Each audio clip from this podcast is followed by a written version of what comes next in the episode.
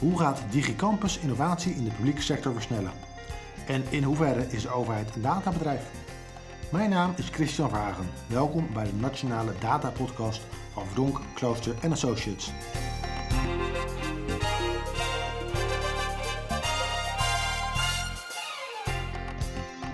Welkom bij de Nationale Data Podcast, de podcast over en voor data-gedreven organisaties. Met inspirerende gasten, tips, dilemma's en inzichten over het gebruik van data, algoritmes en artificial intelligence in de publieke sector. Mijn naam is Christian Vagen en vandaag drie gasten in de studio aanwezig van DigiCampus. Tanim van Dokkum, kwartiermaker, ecosysteem en strategisch adviseur digitale overheid. Welkom. Uh, Nitesh Barosa, kwartiermaker wetenschap en onderzoeker aan de TU Delft. En Wendy van Dongen als promovenda op het thema overheid als databedrijf. Welkom alle drie. Leuk jullie hier in de studio te hebben. Dank voor de uitnodiging. Uh, ja, zeker. Jullie zijn alle drie verbonden aan de DigiCampus. Um, ja, ik, ik, moet eerst de eerste vraag dan gelijk ook. Wat, wat is de DigiCampus? Wat doen jullie bij de DigiCampus? Tenim, kun je daar iets over vertellen? Ja, nou, inderdaad, dank voor de uitnodiging. Nou, inderdaad, we krijgen de vraag vaker te horen. DigiCampus, uh, wie zijn jullie nou? Wat doen jullie? Uh, en eigenlijk, ja, we hebben een uh, afgelopen jaar een verkenning gedaan binnen de ontwikkelingen, binnen de digitale samenleving. En het blijkt eigenlijk dat, dat er drempels worden ervaren om de innovatiereis met elkaar gewoon goed te kunnen benutten. Dit om echt bepaalde wicked problems, de complexe vraagstukken die een digitale samenleving nodig heeft om een stap verder te brengen, te gaan beproeven. En wij hebben ons eigenlijk de hoofdvraag gesteld.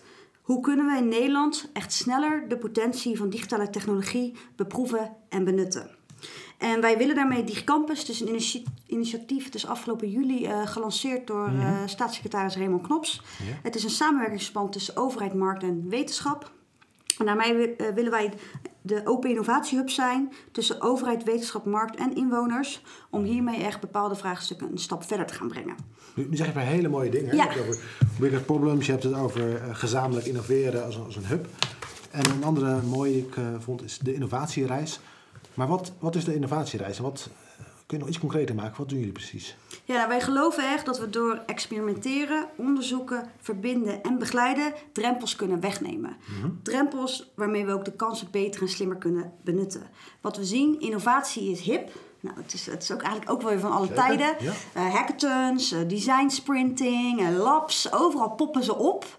Maar hoe zorg je nou voor dat je echt een satéprikker kan werken, dat je over de grenzen heen kan gaan innoveren met elkaar? En dat is een innovatiereis, zo noemen we het ook met elkaar.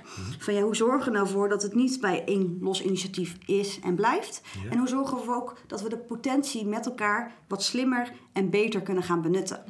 En wat zei jij, we kijken ook naar de drempels die er op dit moment nog voor zijn, ook ja. in de publieke sector. Heb je een paar voorbeelden van wat, wat zijn er de drempels voor innovatie? Uh, ja, bijvoorbeeld uh, geen overzicht. Geen overzicht van wat er is. Wat is er nou eigenlijk al gedaan? Mm-hmm. En wat loopt en wat staat er gepland? Uh, ik, ik, als je LinkedIn opent of als je de eventkalender ziet, overal is er wel iets waar ze iets doen.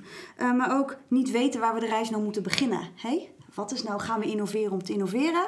Of wat willen we nou echt gaan oplossen?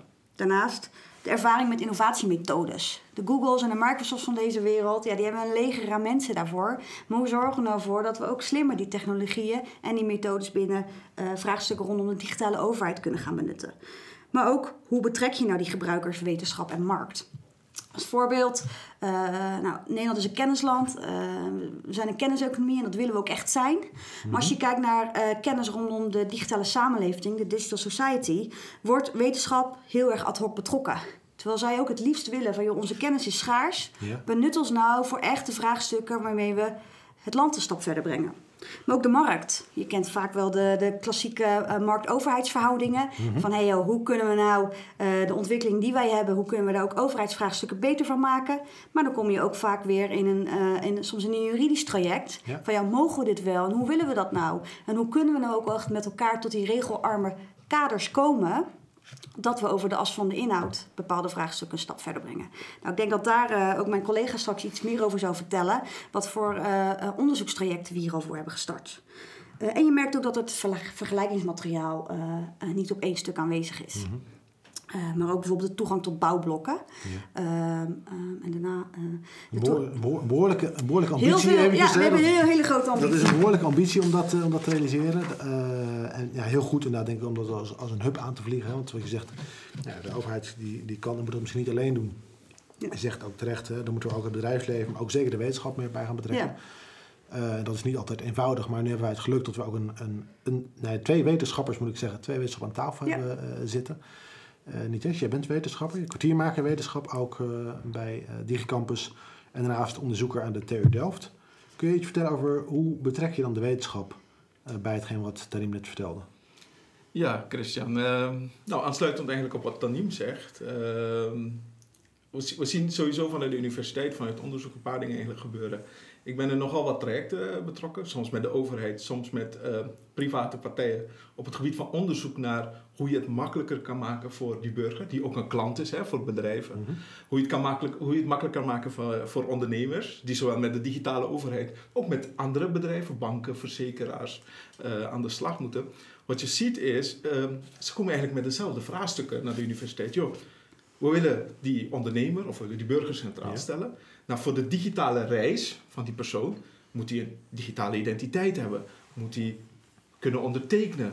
Moet hij berichten kunnen interpreteren of in een systeem kunnen opslaan. Moet hij berichten kunnen uitwisselen.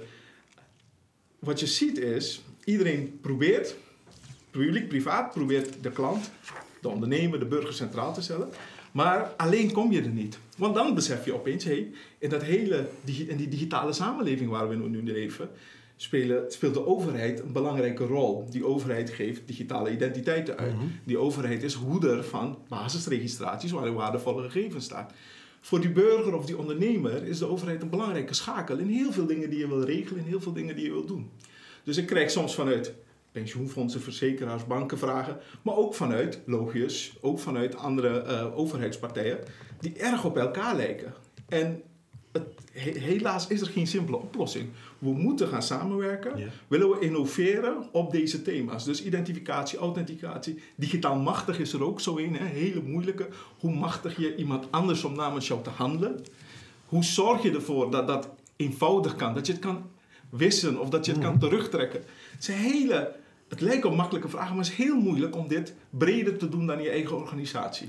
Er liggen, er heel veel zijn hele complexe problemen die je nu aan de orde stelt. Er liggen ook heel veel uitdagingen eh, die daarmee samenhangen. Zowel op de techniek, technisch gezien om het te realiseren. Organisatorisch is het lastig om wellicht te realiseren. Maar kijkend vanuit de wetenschap, wat, wat zie je nou als grootste uitdaging vanuit de wetenschap bij dit soort vraagstukken?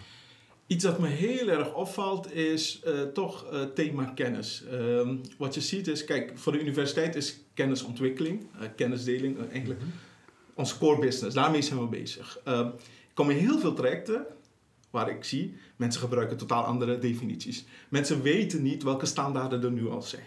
Mensen weten niet hoe die standaarden met elkaar kunnen gaan praten, hoe je interoperabiliteit regelt. Vanuit de wetenschap zeg ik dan altijd, ja, dit hebben we al ergens onderzocht. Dit hebben we ergens opgeschreven. Ik breng dus ook een methode in om Ja. bestaande kennis in te brengen. Ik denk dat dat een hele belangrijke functie is. Een tweede is, als neutrale kennispartner brengen we vaak ook een methode in om samen te onderzoeken, nou, wat is nou precies het probleem? Kunnen we dat echt goed met elkaar formuleren? En wat voor eisen zouden we stellen aan een oplossing? En daarna ook, hoe kom je daar? Probeer ik een stukje kennis in te brengen, ook een stukje theorie te toetsen. Hè. Mijn hypothese is dat we het zo kunnen oplossen. Ik zie dit soort scenario's daar ontwikkelen. Dus ook dat stukje kennisontwikkeling, dat is voor ons ook heel belangrijk als universiteit. Want we willen hè, eh, niet alleen kennis eh, delen, kennis Ja. die er al is, maar ook kennis ontwikkelen. Zodat we dat ook weer kunnen meenemen in bijvoorbeeld onderwijs naar onze studenten. Waar we laten zien van joh, ja, data, digitalisering, digitale transformatie, hele belangrijke thema's. Mhm. Maar wat zijn nou echt die vraagstukken waarmee de overheid of wel een grote bedrijven of kleine bedrijven of die burger worstelt? Dat vind ik fantastisch om in dit soort trajecten mee te kunnen doen. Want dan krijg ik echt een diep gevoel. Hè? Albert eh, Meijer zei ook eh, in een eerdere pod- podcast: je krijgt echt een diep gevoel voor hoe zo'n proces nou in elkaar steekt. En dat neem je weer mee. En hopelijk hè, hebben de studenten straks een hoger kennisniveau, kunnen ze weer een stapje verder zetten. Ja, mooi. Nu, nu zei je, je refereerde net aan een eerdere podcast waar Albert Meijer de gast was. Die zei ook in zijn podcast van, goh, hè, eh, innovatie, de overheid. Eh, de overheid is zeker innovatief, maar soms moeten we als overheid misschien ook even pas op de plaats maken en vooral eh, kijken wat er gebeurt. Hoe, wat vind jij ervan? Hmm, dit is een lastige vraag, Christian. En er komen meerdere antwoordrichtingen in mij op. Allereerst heb ik met veel plezier geluisterd naar de podcast van professor Albert Meijer. Ik ben het absoluut met hem eens dat de publieke sector in staat is om innovaties te produceren. Ik wil hieraan toevoegen dat innovatie een complex en onvoorspelbaar proces is voor zowel publieke als private organisaties. En toch zie je overal om ons heen voorbeelden van innovatie. Merkwaardig. Hoe is het hen dan wel gelukt, denk je dan? Als wetenschapper zoek ik dan ook naar antwoorden in de literatuur. Een tip aan de luisteraars: zoek eens via Google Scholar naar literatuur over innovatie. Je wordt al gauw getrakteerd met miljoenen artikelen en boeken over innovatie. En wat valt op? Er is helaas geen magische kookboek of handleiding voor innovatie. Factoren als leiderschap, cultuur, werkwijze, samenwerking, grote budgetten, kennisontwikkeling, kennisdeling komen allemaal weer naar voren, lijken allemaal succesfactoren. In de discussies over innovatie is het wel zinvol om diverse smaken van innovaties te onderscheiden. Hebben we het nou over een product, proces, dienstvernieuwing of innovatie? Hebben we het over incrementele of stapsgewijze verbetering of radicale innovatie, die we ook wel als disruptie uh, zien? De Ubers en Spotify's van deze wereld zijn voorbeelden van radicale innovatie. Er zijn diverse voorbeelden van succesvolle incrementele innovaties, dus stapsgewijze innovaties, die publiek gedreven zijn, zoals de ontwikkeling van mijn overheid voor burger, burgers. Het is toch heel fijn dat je via mijn overheid overzichten krijgt. Professor Albert Meijer gaf het internet als een voorbeeld van radicale innovatie uit de publieke sector. Als we iets dieper hierop inzoomen, zie je dat dit niet in één keer gaat. Het internet, ja, wat is dat? Hoe komt het naar voren? De grondlaag voor het internet is in 1969 neergelegd bij ARPA. Dat is de Advanced Research Project Agency van het Amerikaanse ministerie van Defensie. Die lui toen, de Vinton Cerfs en zijn collega's, die waren met name gericht op de onderste lagen van het internet. Hadden geen idee wat er uiteindelijk uit zou komen. Na meer dan 20 jaar aan een opeenstapeling van innovaties in hardware, networks, softwareontwikkeling, databases, kwamen andere mensen, Tim Berners-Lee en collega's bij CERN in Zwitserland, tot het World Wide Web zoals we die nu kennen. Dus de websites waar je dan op klikt en door wordt verwezen en content ziet. Dit soort radicale innovaties zijn een opeenstapeling van standaarden, technieken, innovaties uit andere gebieden, uit andere sectoren die daar bij elkaar komen. Ze kosten veel tijd en samenwerking. Terugkomend op je vraag, Christian. Ik kom regelmatig mensen in de publieke sector tegen die innovatieve ideeën hebben, die ze graag zouden willen uitwerken, willen toetsen met echte gebruikers, met echte software, met echte componenten. Ze kijken met een frisse blik naar de rol van de overheid en willen graag iets veranderen. Maar dan komen ze tegen de belemmeringen aan. Waar moet ik beginnen? Wie kan me begeleiden? Hoe kan ik gebruik maken van bestaande bouwblokken? En hoe kunnen we een op opschaling en adoptie stimuleren? Professor Albert Meijer heeft het over, het over de belemmeringen die voorkomen uit het rechtsstatelijk karakter van de publieke sector. Voor alles zijn er procedures met zorgvuldige checks en balances en die maken het lastig om snelheid te maken met innovaties in de publieke sector. Daarom is de missie van DigiCampus juist om zoveel mogelijk de belemmeringen weg te nemen om innovaties te beproeven en benutten. Hiermee hopen we de verandervermogen, het innovatievermogen van heel Nederland te stimuleren. Mooi. Ja, je zei net uh, ook van, goh, wij doen ook echt onderzoek naar dit soort, dit soort vraagstukken. Dus het is, het is meer dan alleen maar een hub, het is meer dan alleen maar een, een, een praatclubje. We zijn ook echt daadwerkelijk bezig samen met de overheid, samen met uh, bedrijfsleven. En dus ook duidelijk samen met de wetenschap om onderzoek te doen naar dit soort, dit soort zaken. De, de overheid dataficeert, hè, zei we even in het vorige gesprek wat, uh, wat we hadden. De overheid gaat ook steeds meer richting een, een databedrijf. Um, maar ja, wat is, wat is dan een databedrijf? Nou, dat is niet heel toevallig ook de, maar de titel van uh, hetgeen waar jij mee bezig bent, ja, uh, Wendy. Uh, de overheid als databedrijf, daar doe je onderzoek naar als promovenda, ook verbonden dus aan de TU Delft, maar ook aan DigiCampus. Ja. Um, even voor, voor het bedoeling dat we het net gehoord hebben. Wat, wat is de overheid als databedrijf? Nou, dat is eigenlijk een hele goede vraag. Um, en daar is nog niet een hele vaste definitie over te vinden. Dus wat we wel zien is uh, overheid die data gebruikt um, ten behoeve van hun dienstverlening. Ehm, maar om echt het concept overheid als databedrijf invulling te geven, nou, daar hoop ik gewoon de komende maanden ehm, nou, meer invulling aan te kunnen gaan geven. Mhm. Ehm, en wat je dan ziet is dat dus data ligt op meerdere plekken binnen de overheid. Ehm, moet je dan vijf keer aankloppen bij een burger of een bedrijf? Eh, of moet je zeggen, joh, hè, gaan we dit centraal aanpakken?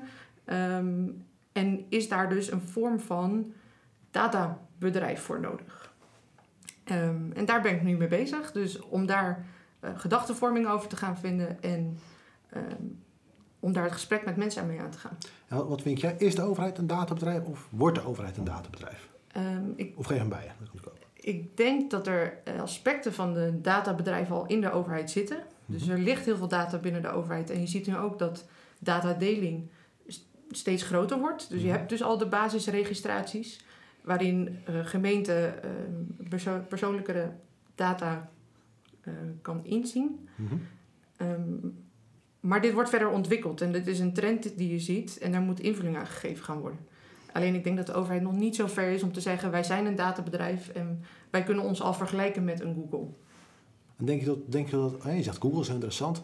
Denk je dat het ooit gaat gebeuren? Denk je tot, tot er een moment komt waarop we kunnen stellen, hè, wat we, wat we eh, ook in een eerdere podcast met, eh, met Jan de Ginkel even aan de orde hadden, dat de overheid echt een, een dataplatform wordt. Dan wel met een democratische licentie, zoals hij dat, eh, dat mooi zei. Maar dat de overheid echt toegroeit naar een, een, de Google van de overheid. Lastige vraag. Ehm, ik denk dat de overheid wel steeds meer nut gaat inzien van datadeling. Zowel dat een burger zijn eigen bedrijf zijn eigen data kan inzien, als dat bedrijven eigen data kunnen inzien, als dat startende organisaties of bestaande organisaties data vanuit de overheid kan krijgen. Dus ik denk naarmate we verder ontwikkelen dat dat ook verder ontwikkeld zal worden. Of we echt ooit een, een Google gaan worden, dat durf ik niet te zeggen. En ik denk ook niet dat ik de persoon ben die dat hoeft te zeggen. Een mooi onderwerp om daar de komende jaren ook onderzoek naar te doen in het kader van jouw onderzoekstraject. Leuk, dankjewel. Ehm ja, volgens mij DigiCampus we hebben alle facetten een beetje langs, langs gelopen. Maar er is nog veel meer over te vertellen. Jullie zeggen ook van, goh, wij willen uiteindelijk, we zijn redelijk recent begonnen hiermee, eh doorgroeien ook naar echt de innovatiehub binnen de overheid. Dus die, die coördinerende rol gaat, eh, gaat spelen. Dat, dat willen we niet alleen doen als overheid. Eh, Integendeel, dat willen we gezamenlijk doen. Doen ook de oproep daarin om eh, het gezamenlijk te doen. Eh, sluit je vooral aan. Hoe, hoe kunnen we ons aansluiten? Tanien, kun jij dat vertellen? Ehm, nou, allereerst eh, meld je aan op LinkedIn, want daar proberen we zoveel mogelijk van ons hetgeen wat we doen te delen met jullie. En daarnaast, wat ik al zei, we zijn net gelanceerd. En wij hopen ook echt de komende maanden een, een webplatform in de eerste versie live te zetten. Waar we ook die verbindende factor willen laten zien. Eh, daarnaast zie je ook, eh, dat is ook wel, ook, wel een interessante, eh, interessante verschuiving binnen de overheid. Toen wij echt starten, dat, we hebben, Nietes noemde het net ook al, de verschuiving van de digitale overheid naar een digitale samenleving. Toen we ook net startten vanuit, vanuit dit initiatief vanuit de DigiCampus. Nou, ik werk zelf eh, bij Logië. Het was heel erg oké, we moeten wat met innovatie, we moeten een lab bouwen, we moeten dit doen, we moeten dat doen. En al gauw kwam onze algemeen directeur, ook de founding mother van de DigiCampus, Yvonne van der Brug, ook tot de conclusie, we moeten het niet zelf doen.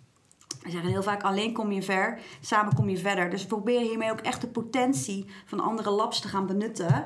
En wij zijn een onderdeel in het totale ecosysteem van de digitale overheid en de digitale samenleving. Dus wij moeten helemaal niet, eh, ik noem wel eens alleen op die alfa-rot staan. Nee, wij zoeken juist de verbinding met. Nou, dat gebeurt nu eh, organisch, een soort sneeuwbaleffect. We hebben samenwerkingspartners. Nou moet je denken aan eh, bijvoorbeeld Novum, het innovatielab van de SVB. Maar ook het Pels Rijkenlab vanuit wat meer de juridische kant. En zo proberen we ook al met elkaar die verbinding te zoeken.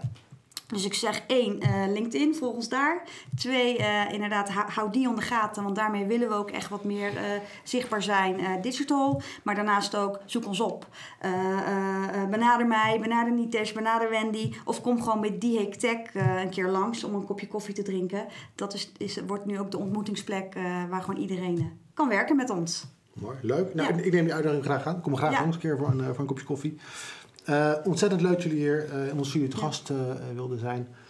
om dit verhaal te vertellen Mhm. van, van DigiCampus. Nou, jullie weten denk ik wel gevraagd er gaat komen, een beetje richting het einde van de, van de podcast. Dit is ook een heel mooi, inspirerend dataverhaal. Ook hoe de overheid vorm gaat geven uiteindelijk aan, aan data, aan, aan innovatie. Maar ook aan jullie de vraag, wie zouden we nou voor een volgende podcast moeten uitnodigen? Wie heeft nog meer een mooi, inspirerend dataverhaal?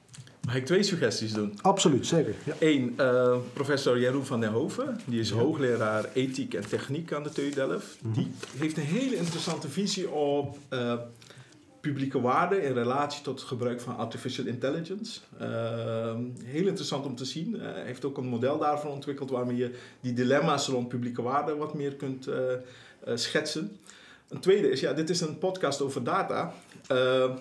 Er is een promovendus bij ons, die komt uit Indonesië, die heet Data. Het past absoluut dat je hem ook een keer uitnodigt. Ja. Uiteraard. Geen, geen, geen datapodcast zonder data.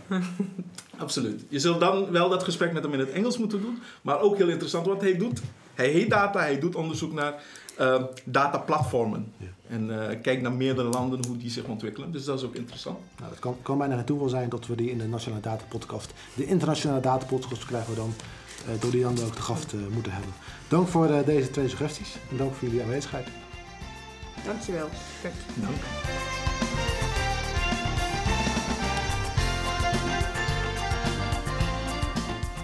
Hiermee zijn we aan het eind gekomen van deze aflevering van de Nationale Datapodcast. Wilt u reageren of een onderwerp aandragen? Stuur dan de mail aan data.vka.nl. In de show notes bij deze podcast vindt u meer informatie over DigiCampus. Bedankt voor het luisteren, abonneren of terugluisteren. Alle afleveringen van de Nationale Datapodcast kan via iTunes, Spotify of je favoriete podcast app. Tot de volgende keer.